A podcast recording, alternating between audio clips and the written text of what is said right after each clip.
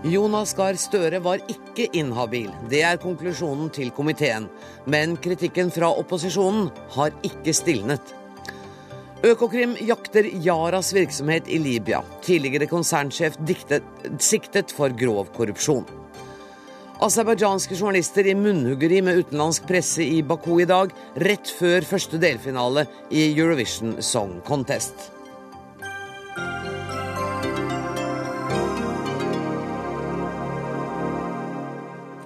I dag ble Sveriges lille prinsesse døpt etter alle kunstens kongelige regler. Men først her i Dagsnytt 18 skal det dreie seg om habilitet. Utenriksminister Jonas Gahr Støre var altså ikke inhabil i Tschudi-saken. Det mener flertallet i kontroll- og konstitusjonskomiteen, som kom med sin innstilling for kort tid siden. Men likevel opprettholder deler av opposisjonen sin kritikk. Og leder i kontroll- og konstitusjonskomiteen på Stortinget for Fremskrittspartiet, Anders Anundsen, hvorfor gjør dere det? Og Det er fordi vi mener det er eh, helt avklart at forholdet mellom Tschudi og Støre var så nært at eh, Støre burde ha vurdert sin habilitet når han behandlet søknad om opprettelse av Senter for nordområdelogistikk. Og Det er jo på en måte litt av kjernen i det en statsråd driver på med. Være oppmerksom på at eh, det skal være en ryddig og skikkelig saksbehandling. Men vi har ikke hatt noe grunnlag for å konkludere med hvorvidt Støre var inhabil eller ikke. Men vi kritiserer at han ikke evnet å vurdere dette på en skikkelig måte. Jeg bare tenkte vi skulle rekapitulere, for det er, fort å glemme detaljene. Det dreier seg altså om at Jonas Gahr Støre, om han var inhabil eller habil, da Utenriksdepartementet delte ut 6 millioner kroner til dette senteret for nordområdelogistikk, og prosjektet ble, var startet av Støres omgangsvenn Felix Tschudi. Og du sier at du er forundret, Anundsen, over at regjeringspartiet mener at Støre handlet upåklagelig.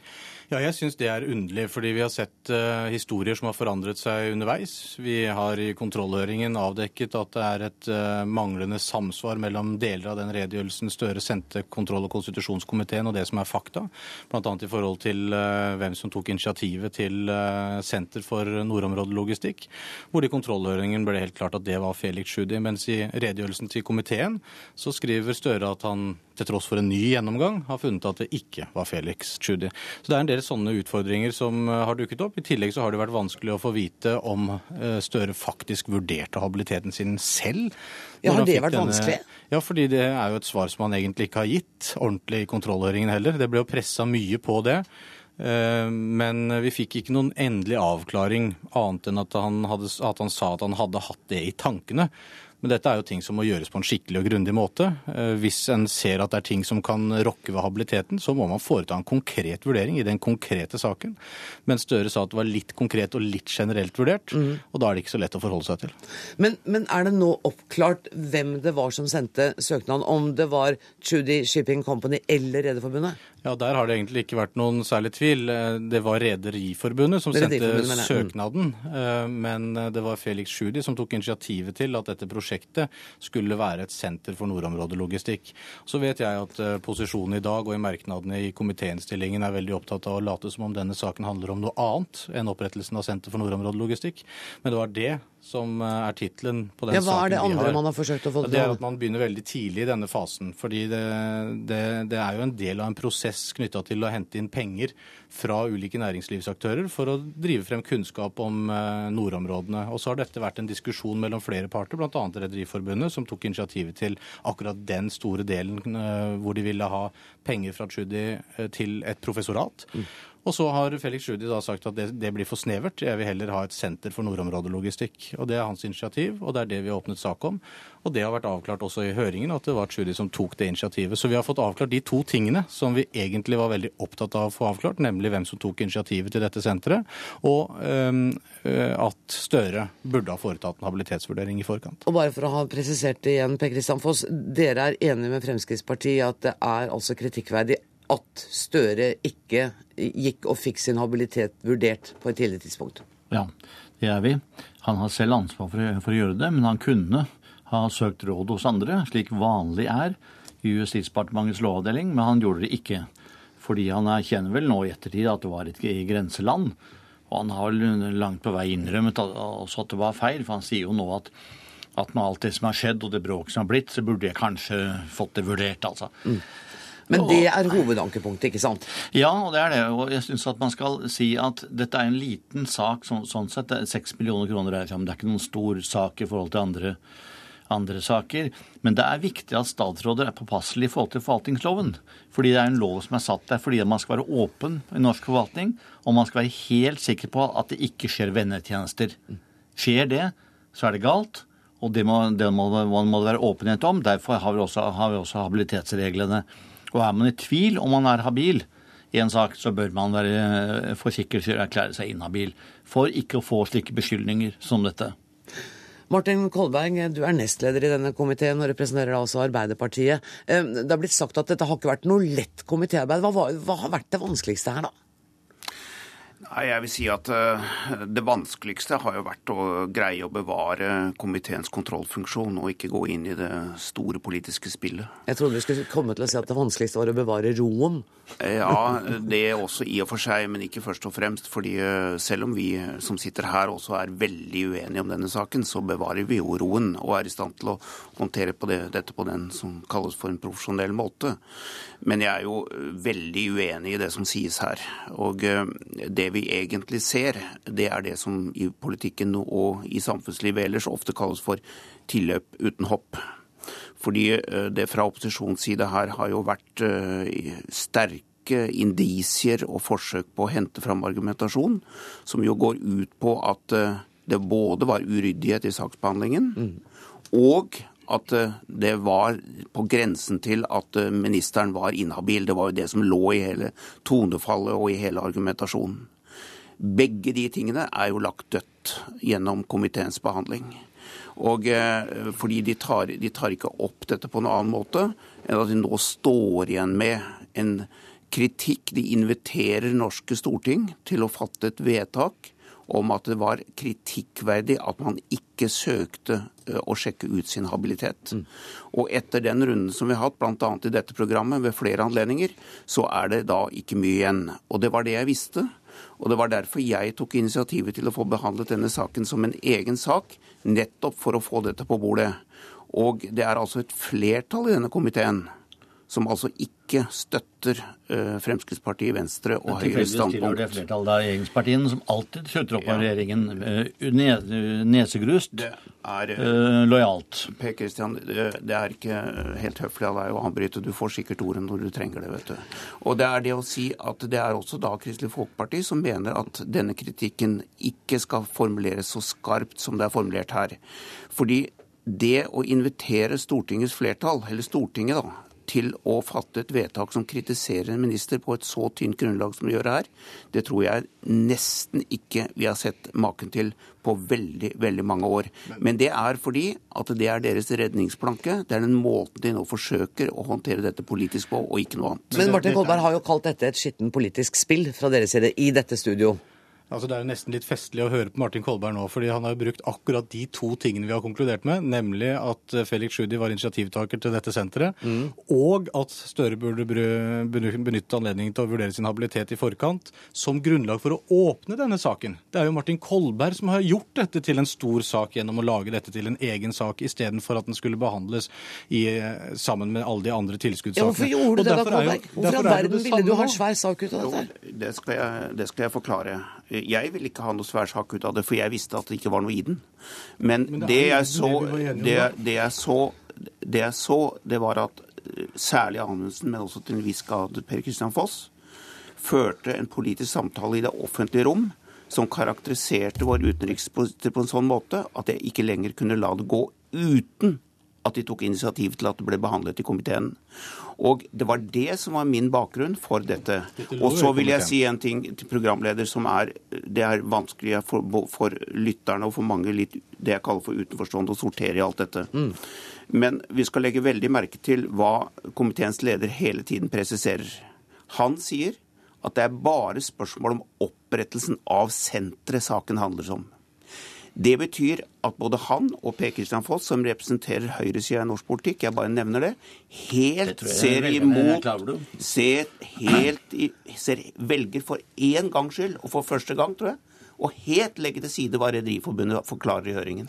Ja, Rederiforbundet jeg- forklarer helt eksakt i høringen at de var med på dette, de støttet det, de sto bak det, og så lot de Sjudi opprette senteret helt konkret. Men det var etter en samtale med Rederiforbundet og godkjennelse av dem. Og det velger de å manipulere vekk. Ja, men- og det syns jeg ikke er Men nå- nå, nå- nå nå, nå, nå, nå, få ordet. litt, litt langt. Dette er ikke et foredrag, eh, Martin Kolberg. Men du må nesten være gammel parti, partisekretær for å være så grenseløs og lojal. Altså, alle ser jo at Stefan Tschudi sto bak dette. Seks millioner var hans bidrag. Rederiforbundet spurte flere andre redere i Nord-Norge. Ingen andre var interessert, bare Tschudi. Og Rederiforbundet sender på hans vegne en søknad.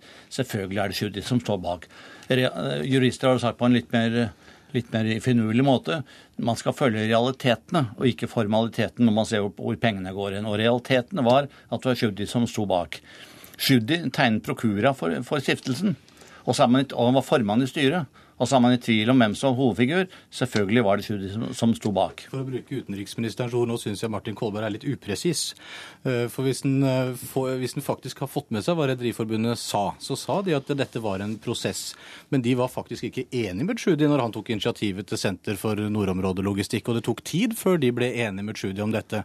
Så det å hevde at Rederiforbundet har sagt at de var initiativtakere til senteret, det er i beste fall litt upresist. Og det er det som er litt av utfordringen med denne saken, for det er en slags kamp om virkeligheten.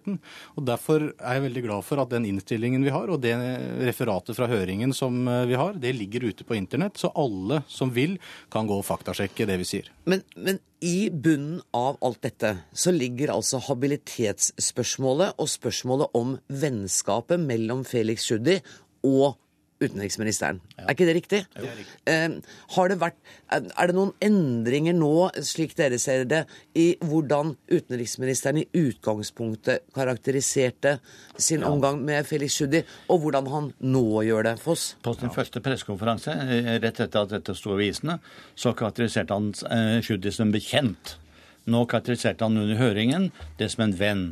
Ikke en nær venn, for hans definisjon var på en nær venn var at man bare hadde møttes eh, på tomannshånd, og ikke selskap med andre. Så det hadde skjedd en glidning i forklaringene hele veien. Det er i og for seg ikke så viktig. Men det er viktig å være presis når man uttaler seg til media første gang, for vi forventer det av en dyktig utenriksminister. Og det skaper jo den utfordringen at det blir tvil om hva som er de faktiske forhold, når du begynner med en posisjon, og den forandrer seg underveis. Og I tillegg til dette vennebegrepet og forandringen i posisjon der, så skjedde også en forandring i posisjon i forhold til hvorvidt han hadde vurdert sin egen habilitet i forhold til Tschudi i denne søknaden. For det er denne søknaden dette dreier seg om. Dette dreier seg ikke om forløpet til denne søknaden, men det er Støres behandling av søknaden. Det har vi skjønt. Men, men vet du hva, kan, kan dere ikke alle ta på dere hodetelefoner? For vi skal ha med oss jusprofessor ved Universitetet i Bergen, Jan Fridtjof Bernt. Og nettopp dette med habilitetsspørsmålet er jo regulert i forvaltningsloven. Og i går skrev du i Dagbladet at tida er overmoden for å sette i gang arbeidet med en ny lov, fordi den vi har, er gammeldags, uegnet til tidens bruk og dessuten upresis. Kan ikke jeg bare spørre deg, hvor går habilitetsgrensen hen når det gjelder vennskap? Eh, Altså, Loven slik som den er i dag utformet, må jo sies at det kreves et svært nært vennskap. Og Det er også blitt konklusjonen på den diskusjonen som har foregått nå.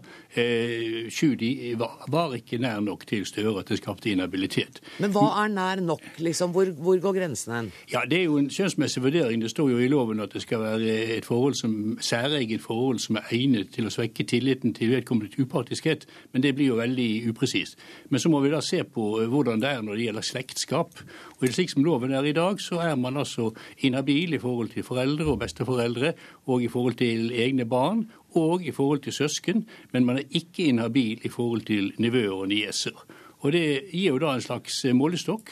Eh, Det betyr at i andre relasjoner så må man da spørre er dette personer som står hverandre nærmere enn en nevø ville stå en onkel eller tante i andre sammenhenger. Og dette høres jo litt pussig ut, for, for alle vi her ville vel tenkt at i forhold til en nevø eller en niese, hvis det gjaldt eh, bevilgninger i millionklassen, så ville man opplevet det som å være inhabil, vil jeg tro. Ja, det, det er iallfall et spørsmål som i aller høyeste grad bør diskuteres. Altså, jeg, vi ser i flere sammenhenger at eh, selv om det her altså er lagt inn en praksis som er ganske konsekvent for juristenes side, så er det vanskelig for allmennheten helt å akseptere den grensen. Man føler at den er for snever, og at inhabilitetsreglene burde rekke lenger enn de gjør i dag. Og derfor bør vi nå se på en revisjon av forvaltningsloven, mener du, for nå er den 45 år gammel? Ja, Dette er jo bare ett av flere eksempler på en lov som etter hvert er blitt såpass eh, lite forståelig og tilgjengelig for de som skal bruke den, at den skaper en god del problemer i dag, fordi at det er så mange skal vi si, finurlige tolkningsproblemer ute og går, som man ikke kan forvente at verken statsråder eller vanlige byråkrater alltid kan beherske. Da må jeg bare spørre panel her i Oslo, Hva tenker dere om en revisjon av loven? Foss først. Jo, jeg leste professor Bernts eh, kronikk i Dagbladet i går. Og jeg syns det er mange argumenter eh, for at det er på tide å foreta en revisjon. Jeg tror det må gjennom et utvalgsarbeid, for det er mye komplisert juss her. Eh, et slikt utvalgsarbeid håper jeg kanskje at regjeringspartiene etter denne prosessen ser behov for å, å gjøre. Ikke bare denne habilitetssaken, men en rekke andre saker som tyder på at ønsket om åpenhet i forvaltningen og skikkelig saksbehandling eh, i en ny tid krever også en ny, en ny lov.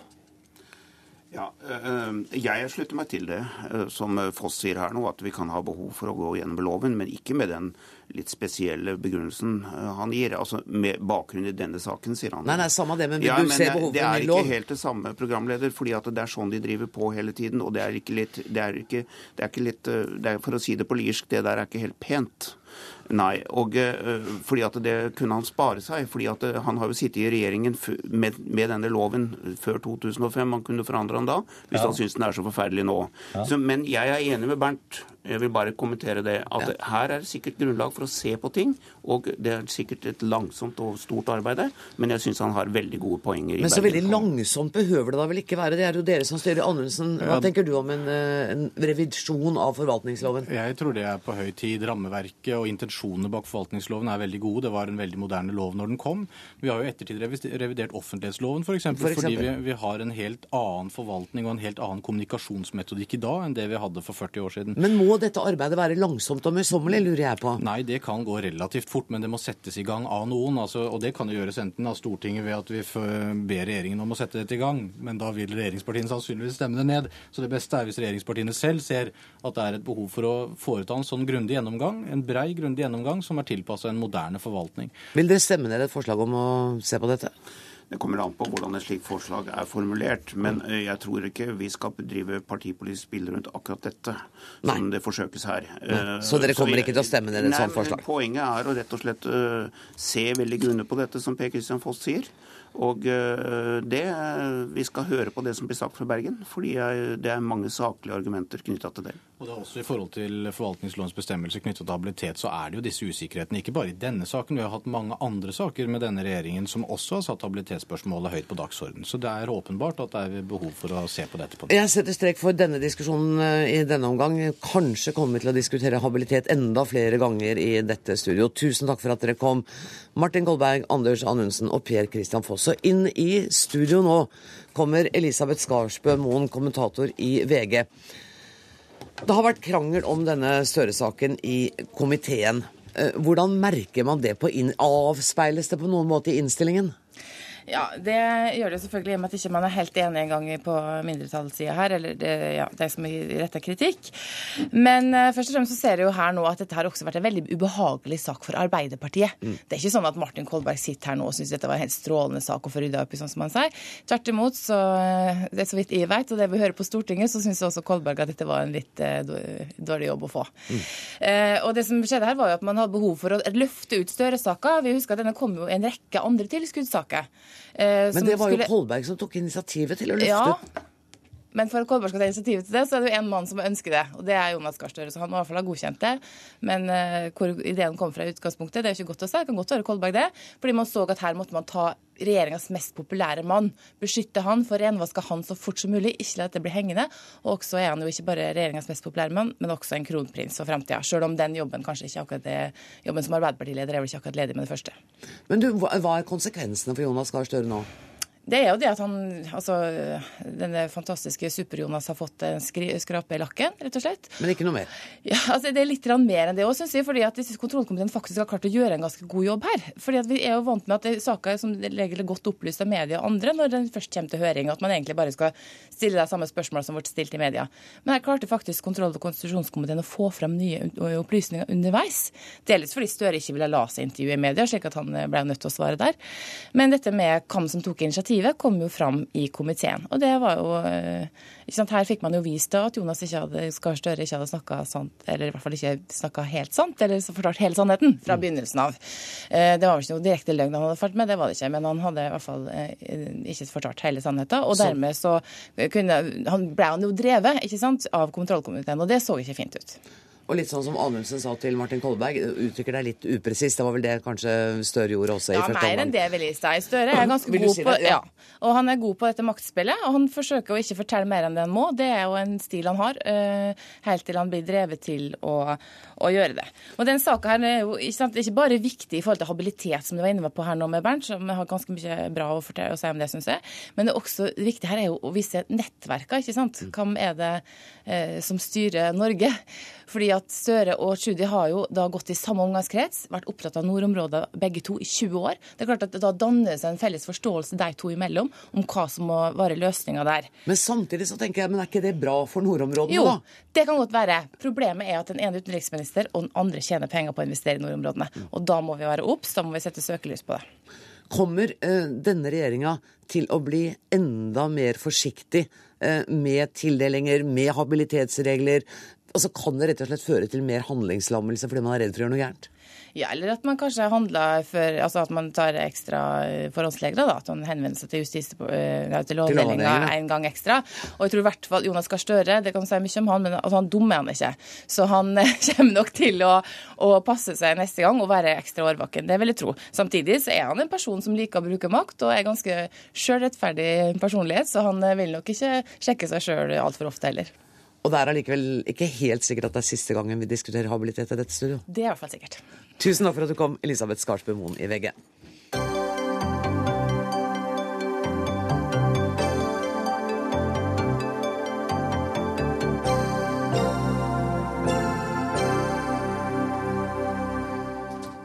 Så skal det dreie seg om selskapet Yara, der to i konsernledelsen er siktet for grov utroskap i forbindelse med selskapets virksomhet i Libya. I dag ble det kjent at Økokrim også har siktet tidligere konsernsjef Torleif Enger. Og Terje Erikstad, du er sjef for finansredaksjonen i Dagens Næringsliv. Eh, du må hjelpe meg. Hva er det denne saken egentlig dreier seg om? Det dreier seg om eh, utbetalinger som kan se ut som korrupsjon, som har foregått i Libya i forkant av at eh, Yara etablerte et selskap sammen med libyske myndigheter. Eh, denne saken kom opp fordi Yara selv eh, mente at dette kunne være korrupsjon, og meldte det til Økokrim. Det skjedde i fjor. Men det merkelige er at en intern varsler, en av de direktørene som faktisk nå er siktet, tok dette opp allerede i 2008. Men verken den daværende eh, konsernsjefen, som nå er siktet, eller andre eh, fant grunn til å reagere på det tidspunktet. Eh, men i 2011 så endrer da selskapet mening og ber om at dette faktisk etterforskes av Økokrim. Og nå har jo åpenbart Økokrim funnet mer av interesse ettersom man valgte da å gå ganske dramatisk til verks på fredag og, og pågripe og sikte tre sentrale personer fra Yara, eller eks-sjefen, mm. på samme tid for å sørge for at de ikke kunne samordne forklaringer og åpenbart konfrontere dem med sprikende forklaringer og ny informasjon. Og vi vet altså ikke hva mer Økokrim har funnet, for de har valgt å ikke stille opp her i Dagsnytt 18 i dag på vår invitasjon.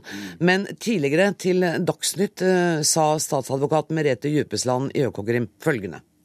Det var viktig for Økokrim å få deres forklaringer, eh, og at dette skjedde på en måte at de ikke kunne snakke med hverandre om disse opplysningene. Og et verktøy vi da har, er å, eh, å innhente de samtidig til avhør. Siktelsen gjelder mistanke om grov korrupsjon. Det er jo i seg selv eh, alvorlig. grov korrupsjon. Hvor alvorlig er det, Rikstad? Ja, Det har jo en strafferamme på inntil ti år. Så det er jo vurdert som en veldig eh, potensielt en veldig grov forbrytelse. Men eh, nå skal det jo understrekes at det er jo absolutt ingen som er eh, tiltalt, og langt fra noen dømt. Eh, men at, at uh, ut det som har skjedd i forbindelse med at, at uh, Yara fikk tilgang på en fabrikk i, eller å bygge opp en fabrikk i Libya under Gaddafi-regimet. Det som skjedde der, er åpenbart så eh, tvilsomt at eh, etter ett års etterforskning at eh, Yara-ledelsen blir siktet, eh, og at Økokrim fortsetter saken. At uh, dette ser ikke bra ut for selskapet. Men, men, samtidig så er det noe For meg som ikke kan om dette, så, er det rart. Altså Det er en i ledelsen selv som varsler om at det kan ha foregått uregelmessigheter av økonomisk art.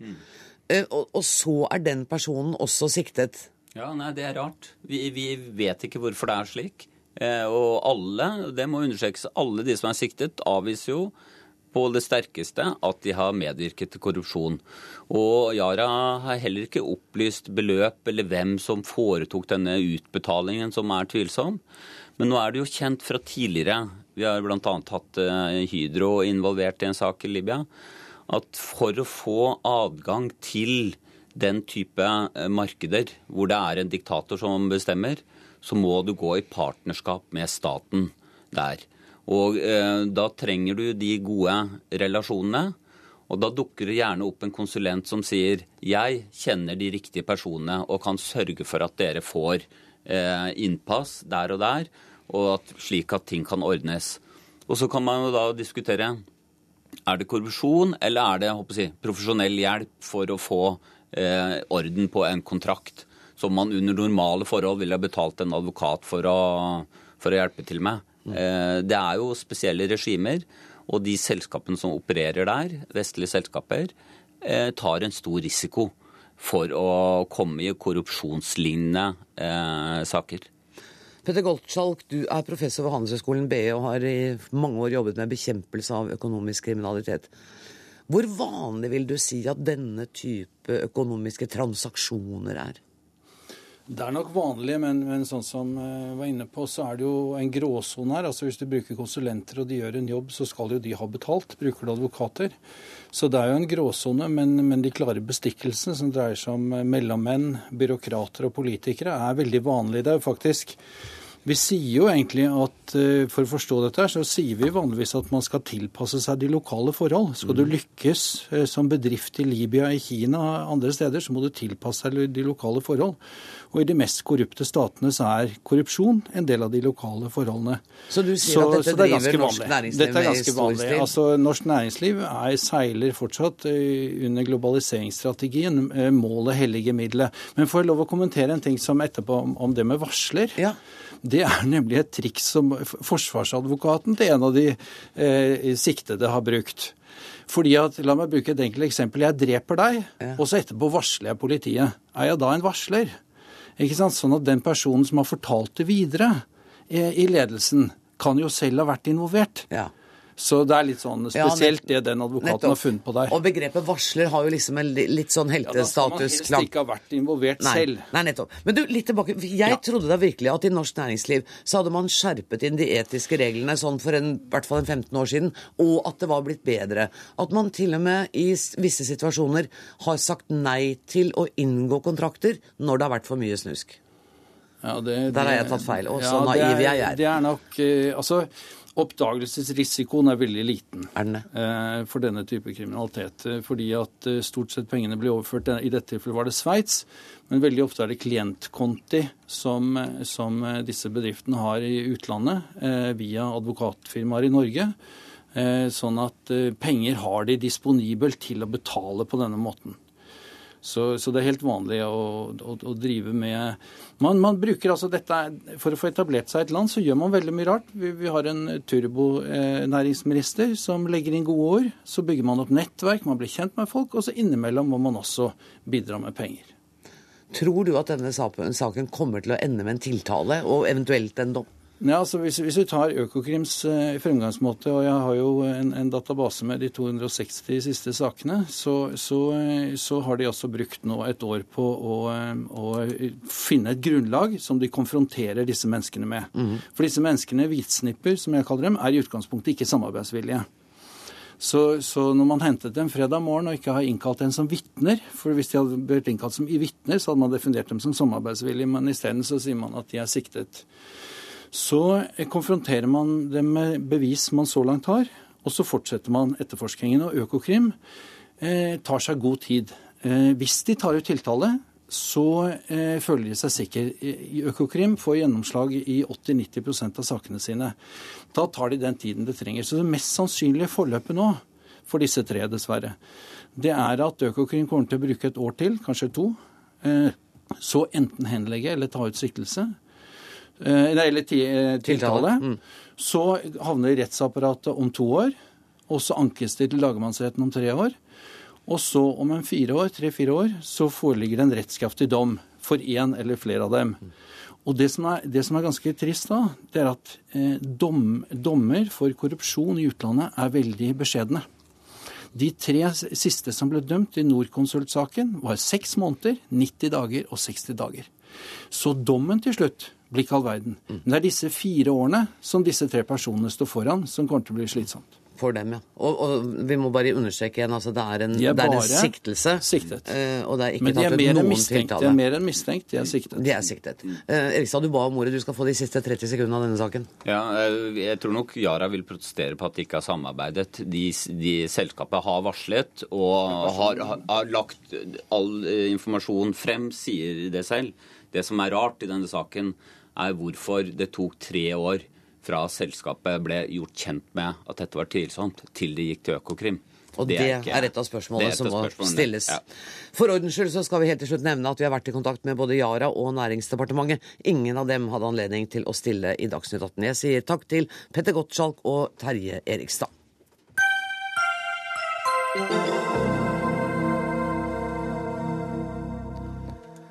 En person er pågrepet etter at en mann ble drept på et asylmottak i Fana i Bergen i ettermiddag. Foreløpig vet ikke politiet bakgrunnen for drapet. Dette er langt fra første gang det skjer noe kriminelt på et asylmottak. Og Gry Olde, avdelingsdirektør i mottaksavdelingen i UDI. Eh, vi skal ikke spekulere i hva som kan ha skjedd ved asylmottaket i Fana i dag. Og vi skal heller ikke gå inn på denne spesifikke saken. Men hvordan vil du vurdere den generelle sikkerhetssituasjonen med norske asylmottak? Først har jeg lyst til å si at dette er en veldig tragisk sak som vi tar veldig alvorlig. Og eh, det er ikke unaturlig at spørsmål om sikkerhet i mottak kommer opp som følge av en sånn sak. Og da har jeg lyst til å starte med å peke på at det bor nesten 16 000 mennesker i eh, norske asylmottak i dag. Eh, det er omtrent like mange som det bor i en middelstor norsk by.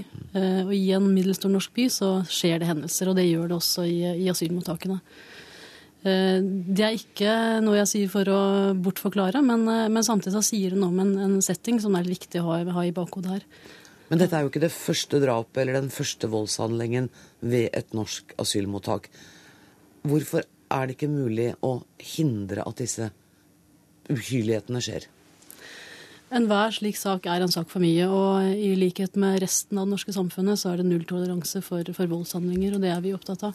Men det er viktig likevel å understreke at eh, de aller fleste som bor i asylmottak, er eh, fredelige mennesker som ønsker å bo i fred og ro i den tiden det tar å behandle asylsøknaden sin.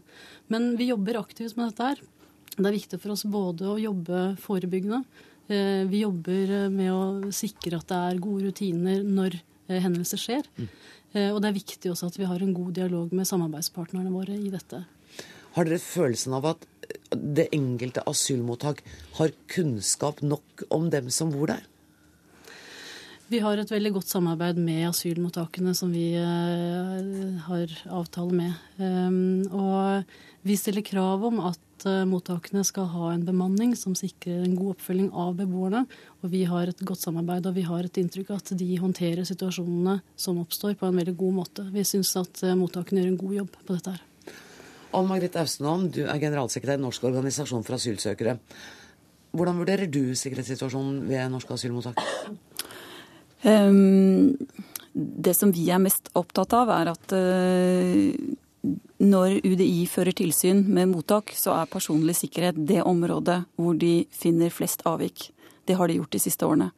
Og vi er veldig opptatt av at tilsyn faktisk fører til reaksjoner og strengere krav til oppfølging og en, en strengere holdning fra UDI til å, til å, følge opp dette. Hva slags Men, avvik er det snakk om, du? Det er, det er, avvik som gjelder skjerming av sårbare, skjerming av kvinner, eh, og rett og slett hvordan man organiserer eh, mottakene. Det går på sikkerhetsrutiner, at instrukser finnes på alle språk, at det er tilgang til telefon for å tilkalle politi, at man regelmessig har kontakt med lokalt politi for å avklare roller, og at det er god kjennskap mellom mottak og lokalt politi. Men noe som kanskje er enda viktigere, og som ligger bakenfor alt dette igjen, er at det finnes i dag ikke noen kartlegging av, systematisk kartlegging av sårbare og ustabile asylsøkere. Ikke når de først kommer, og ikke gjennom helseundersøkelser, og ikke gjennom asylintervju, og dessverre heller ofte ikke eh, fra lokal eh, helsemyndighet når de er kommet på mottak. Og Det gjør at du kan ha noen situasjoner som ikke blir fanget opp, og mennesker som burde vært fulgt opp, som ikke blir det. Men hvorfor har man ikke en, en systematisk kartlegging av de problemstillingene som Austen her er inne på? Vi har uh, gjennom hele asylsaksbehandlingen uh, muligheter for å eh, avdekke utfordringer knyttet til enkeltbeboerne. Det skjer gjennom asylintervjuene, det skjer gjennom mottakssituasjonen hvor, hvor mottaksansatte har et ansvar for tilstedeværelse i mottakene. Men dere beskriver en virkelighet fra to helt Altså, ja. du sier det motsatte altså, av det Austdal sier. Ja, for det, det hun sier er at det kan skje. Men det er ikke noen instruks, det er ikke noe lovhjemling, det er ikke noe system for at det skal skje og derfor så blir det tilfeldig.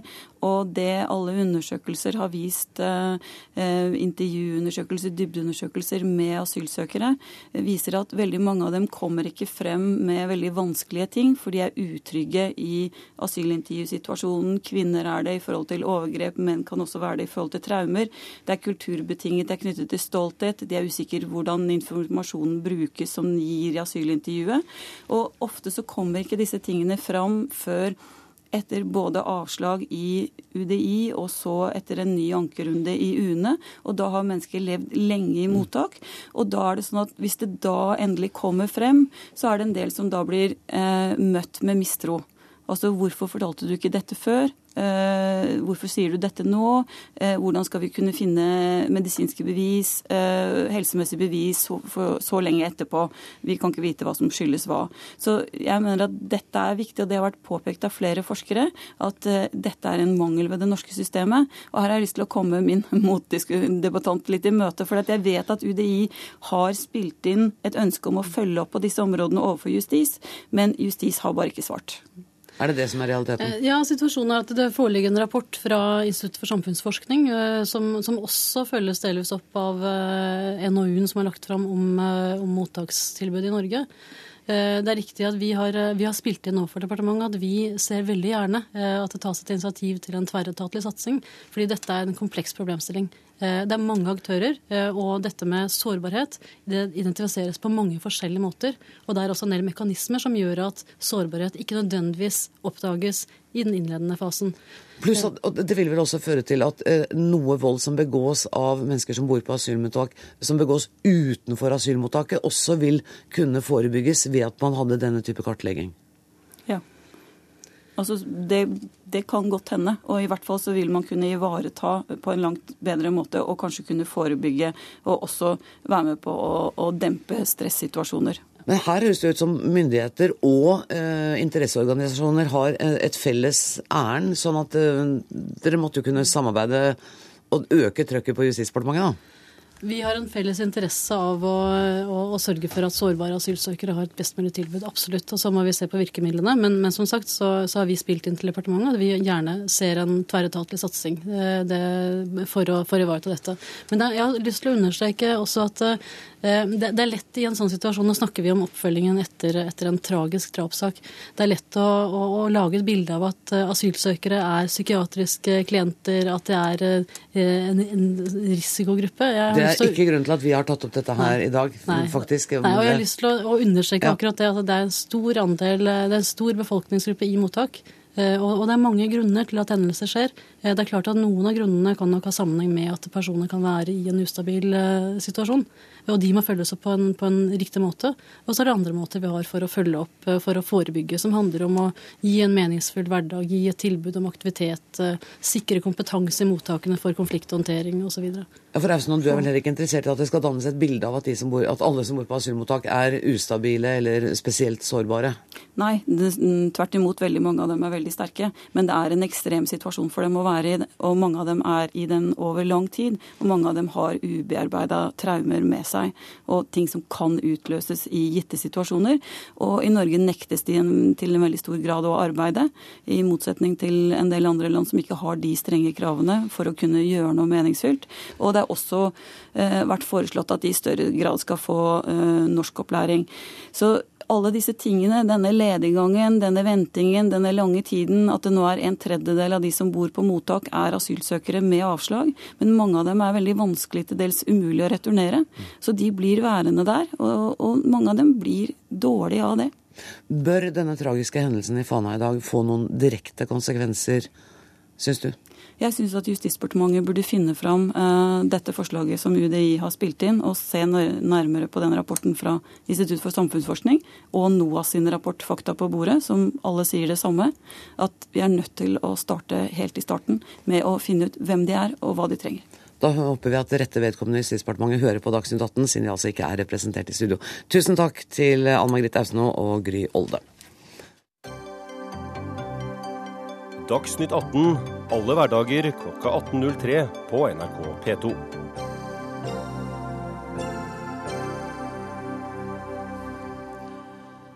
I kveld går den første delfinalen i Grand Prix, eller Eurovision Song Contest, i Baku. Eh, og det er ikke akkurat musikken vi skal snakke om i Dagsnytt 18. For helt siden Aserbajdsjan gikk av med seieren i fjor, så har debatten gått om et land med stor mangel på menneskerettigheter og problemer med korrupsjon, hvorvidt de kunne holde en sånn internasjonal konkurranse. For at journalister skulle få vite mer om hva dette landet står for, så hadde menneskerettighetsorganisasjonen Sing for Democracy i dag innkalt til pressekonferanse i hovedstaden. Og det gikk ikke helt som ventet. Hør bare her.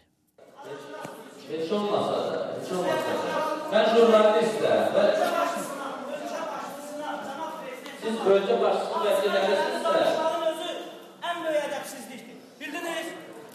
halk seçen prezidenti, halkın seçti prezidenti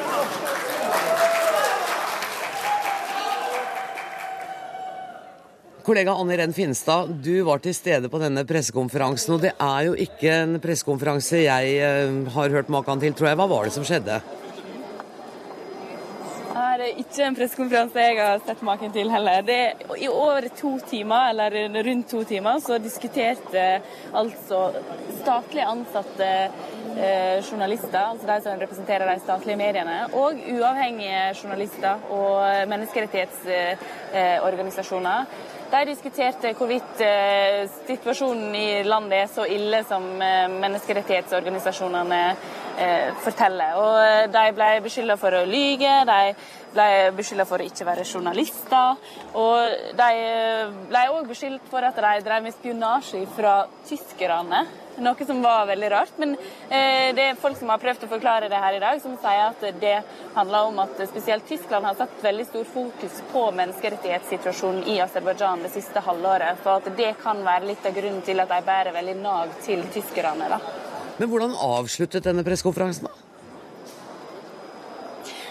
det, det, varte jo, og det rakk. Og til slutt, eh, midt inni der, så kom det kaffe på bordet. Men det var ingen, det stoppa ikke av den grunn. Alle gikk og forsynte seg med litt kaffe, og så var det noen som prata. Og så, så ble det etter hvert eller innimellom så ble det jo eh, vist opp plakater av folk som sitter i fengsel, av familien deres, som fortalte at eh, dette er sønnen han sitter i fengsel, og du kan ikke nekte for det. Han har ikke gjort det dere beskylder han for å gjøre. Eh, og så til slutt så sklei det vel litt ut i sanden, og de avslutta det hele, de som arrangerte det, som var bl.a. International Reporter og Amnesty, som var med på det. Men dette betyr vel ikke at det dermed er slutt for fokus på menneskerettigheter i Aserbajdsjan? Absolutt ikke. Utover hele veka så kommer vi nok til å se at eh, det vil være demonstrasjoner. Og Sing for Democracy kommer til å markere seg òg videre utover i veka. Men de, de roper ikke så høyt om det. De forteller det liksom litt, til oss journalistene, og de, de avtaler seg imellom. Men de flytter seg plutselig demonstrasjonene sine fordi de vet ikke når det vil bli slått ned på det. Så de vil ikke at det skal være sånn veldig offentlig kjent, sånn som jeg har forstått det.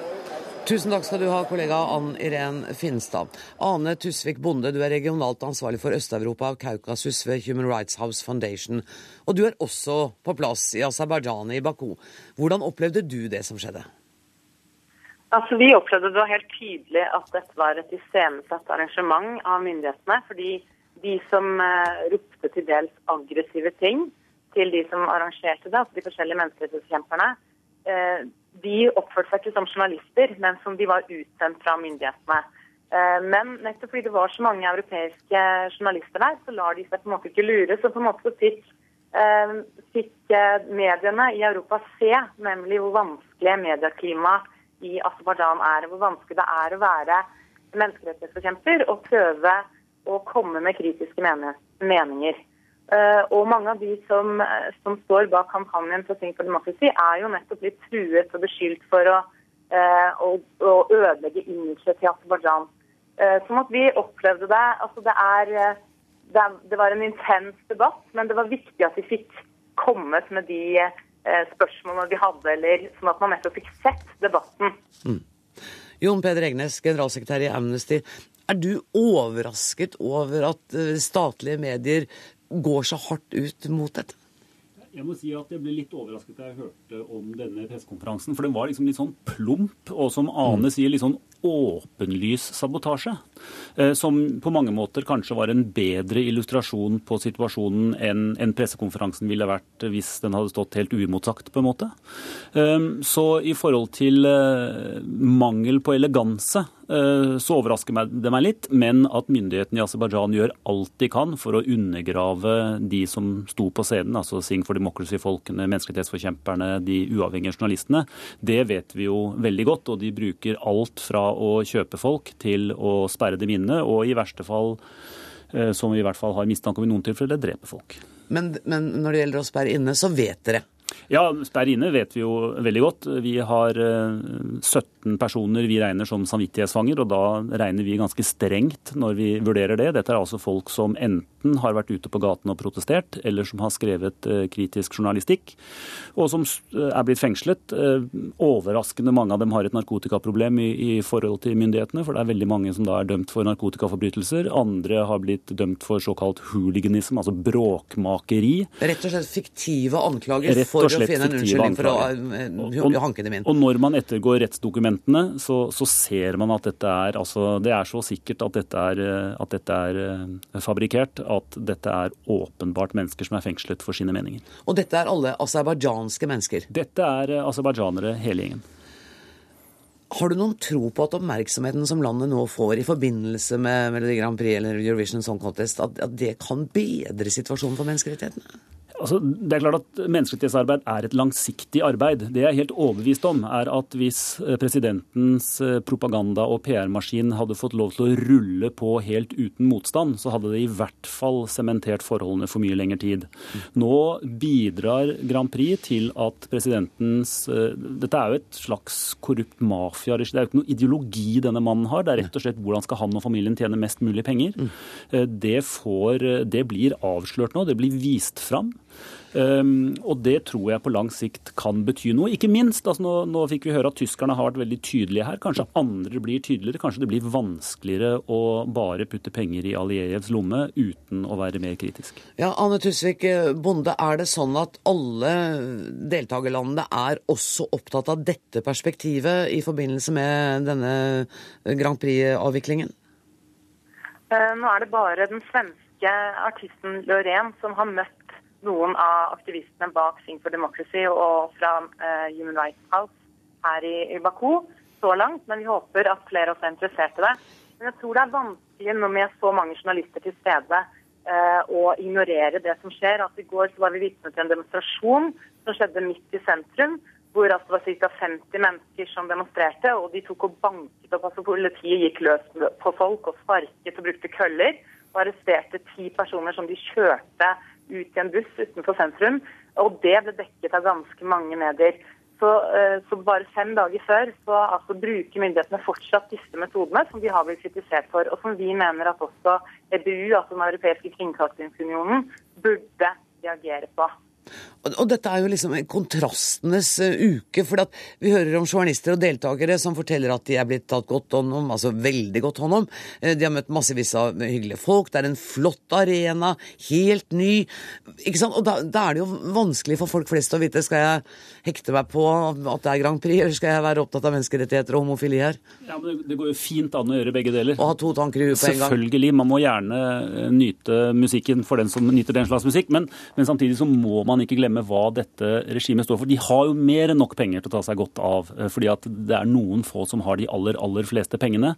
Eh, og vi må ikke glemme de som da forsøker å heve røsten sin, og som blir kasta i fengsel eller banka opp som de ble i går. Eh, og, og, Grunnen til at de jo ikke annonserer akkurat når og når de skal ha demonstrasjoner, er jo at de vet at de blir banka opp, men det er bare om å gjøre å holde på lengst før man blir banka opp. Sånn at dette er en strategi som, som er smart. Og, og, kanskje blir man også arrestert. Anne Tusvik Bonde, hvor lenge skal du være i Baku nå? Vi skal være her til eh, etter Grand Prix til søndag og være her sammen med de lokale menneskerettighetsforkjemperne.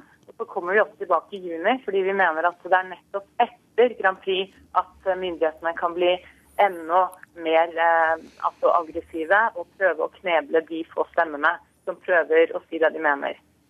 Jeg ønsker deg lykke til med arbeidet, Anne Tusvik Bonde fra Human Rights House Foundation, og også til deg, Jon Peder Egernes i Amnesty.